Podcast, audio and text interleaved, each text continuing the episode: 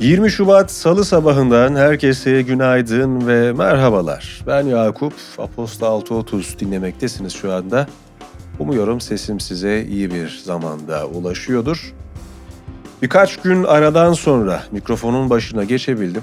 Zira geçtiğimiz hafta hastaydım. Gerçi hala hastayım ama biraz daha toparlamış durumdayım. Nitekim tam da bu nedenle cumartesi günkü bülteni sevgili Berk sundu. Berk ses tasarımcımız ama ses tasarımında olduğu kadar seslendirme konusunda da oldukça yetenekli, iyi olduğunu göstermiş oldu. Berk'e tekrardan teşekkür ederim. Bugünün bülteni İNG ile birlikte ulaşıyor. Şimdiden hepinize keyifli dinlemeler. Türkiye gündemiyle başlayalım. Marmara Denizi'nde seyir halindeyken Karacabey ilçesinin açıklarında batan Batuhan A isimli geminin eski personeli Doğuşcan Yaylak, kaptanının bile gemisinin batma tehlikesinden bahsettiğini söyledi. Yaylak, geminin patlayan yerlerini her hafta kaynakla birleştiriyorduk. Ben tehlikenin farkındaydım. Gemiden iki gün önce ayrıldım. İşten ayrılmasaydım ben de hayatta olmayabilirdim.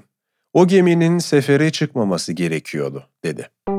Erzincan Çöpler Altın Madeni'nde göçlüğün altında kalan kayıp işçileri arama çalışmaları toprağın kaydığı dere yatağında ve manganez ocağında yoğunlaştırıldı. Kayıp işçilerden altısının dere yatağına kayan toprak kütlesinin içerisinde, üçünün manganez ocağının içerisinde olduğu tahmin ediliyor.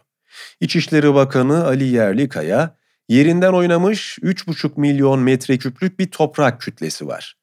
Bizim çok dikkatli olmamız lazım. Tekrar kayma riski var, dedi. Hizbullah terör örgütünün propaganda ve faaliyetlerini yürüten 2007 yılında 7,5 yıllık cezası onanan ve hapis yatan Kerbela Şanlı, Hüdapar'ın Erzurum Büyükşehir Belediye Başkan adayı oldu. Avukat Feyza Altun'a sosyal medyadaki yorumu sebebiyle Beykoz Cumhuriyet Başsavcılığı tarafından halkı kin ve düşmanlığa tahrik etme suçundan soruşturma başlatıldı. Soruşturma kapsamında Altun, Beykoz'daki evinde arama yapılmasının ardından gözaltına alındı. Hatay Büyükşehir Belediye Başkanı Lütfü Savaş, dün CHP lideri Özgür Özel'le görüştü. 45 dakika süren görüşmenin ardından basına yansıyan ilk bilgilere göre Özel'in savaşın da içinde olduğu bir çözüm arayışını ilettiğini ancak savaşın adaylıktan çekilmeyi ikna olmadığı belirtildi. Görüşmenin ardından Savaş, yarın çok daha büyük bir mitingde açıklamalarımız olacak. Ne yapacağımızı Hatay halkıyla paylaşacağız dedi. Özel, biz Hatay'da yaşananları çok dikkatli analiz ediyoruz. Hatay'da 5 anket yaptık. Son anket, Lütfü Bey'in onayıyla bir alternatif geliştirdiğimiz durumda seçimi alacağımızı gösteriyor açıklamasında bulundu. Dünya gündemi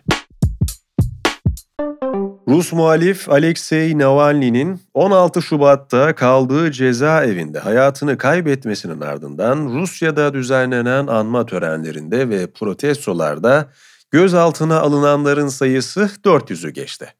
154 kişiye protesto yasalarını ihlal ettiği gerekçesiyle 14 güne kadar hapis cezası verildi. Hollanda'da Eritreli grupların çıkardığı olayları ilişkin aşırı sağ ve liberal partiler, olaylara katılanların Hollanda vatandaşlığının ve oturma izninin iptal edilmesini önerdi.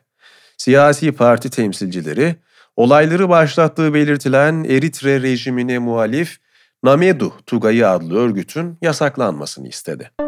Yemen'deki Husiler Aden körfezinde Birleşik Krallığa ait bir gemiyi hedef aldıklarını, Hudeyde kentinde de ABD'ye ait bir insansız hava aracını düşürdüklerini duyurdu. Husilerin askeri sözcüsü Yahya Seri, saldırıyı Filistin halkına destek olmak için yaptıklarını, İsrail'in saldırıları durmadan kendilerinin de durmayacaklarının altını çizdi.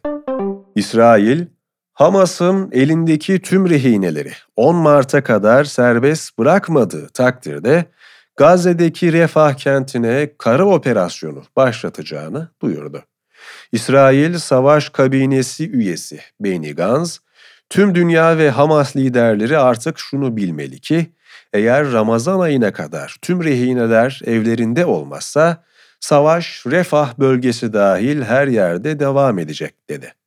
Öte yandan İsrail-Hamas arasında ateşkes anlaşması için müzakerelerde ara buluculuk yapan Katar, olası bir anlaşmaya yönelik umutların giderek azaldığını duyurdu. İsrail'in Filistin topraklarını işgaline ilişkin duruşmalar dün Uluslararası Adalet Divanı'nda başladı.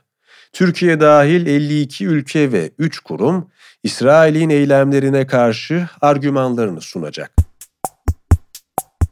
Ekonomi ve finans Kısa vadeli borç stoğu 2023 Aralık'ta yıllık bazda %17,2 artarak 174,4 milyar dolara çıktı. Darphane ve Damga Matbaası Genel Müdürlüğü verilerine göre 2023'te çeyrek altın üretimi yıllık bazda %67,8 artışla 17,8 milyon adetle rekor seviyeye yükseldi. Limak, Doğu Anadolu Çimento'nun halka arz büyüklüğü 2,53 milyar lira oldu. 16,20 lira birim fiyatla 155,93 milyon lira nominal değerli payın satışı yapıldı. Sabahın haberine göre hükümet, çalışanların mesai saatlerini kısaltmayı içeren iş kanunlarında önemli değişiklikler yapmayı planlıyor. Bu yeni düzenleme ile ücret, çalışma saatleri, genel tatil ücretleri ve esnek çalışma gibi birçok alanda iyileştirmeler yapılacak. İsrail ekonomisi 2023'ün son çeyreğinde %19,4 daraldı. Tahminlerden kötü gelen veri de Gazze saldırıları ve özel harcamalarda kaydedilen %26,9'luk düşüş etkili oldu. İş dünyası ve teknoloji Fransa merkezli otomotiv tedarikçisi Forvia, Avrupa'daki iş gücünün %13'üne karşılık gelen toplam 10 bin çalışanın işine son vereceğini duyurdu. Şirket bu hamleyle elektrikli araç pazarındaki dönüşüme uyum sağlamayı ve giderlerini 500 milyon avroya kadar kısmayı planlıyor.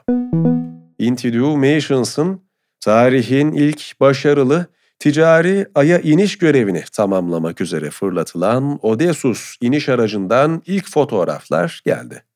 22 Şubat'taki iniş görevi başarılı olursa, yarım asır sonra ilk kez ABD menşeli bir araç ayın yüzeyine inmiş olacak. SoftBank Grup kurucusu Masayoshi Son'un AI için gerekli yarı iletken çiplerin üretiminde Nvidia ile rekabet edebilmek için toplam 100 milyar dolarlık bir yatırıma ihtiyaç duyduğu öğrenildi. Avrupa Birliği'nin rekabet kurallarına aykırı davranışlarından ötürü Apple'a önümüzdeki ay yaklaşık 500 milyon avro ceza kesmeye hazırlandığı öğrenildi. Bugünlükte bana ayrılan sürenin sonuna geldik. Ben Yakup. Bugünün bülteni ING ile birlikte ulaştı. Bir sonraki yayında görüşünceye dek kendinize iyi bakın. Hoşçakalın.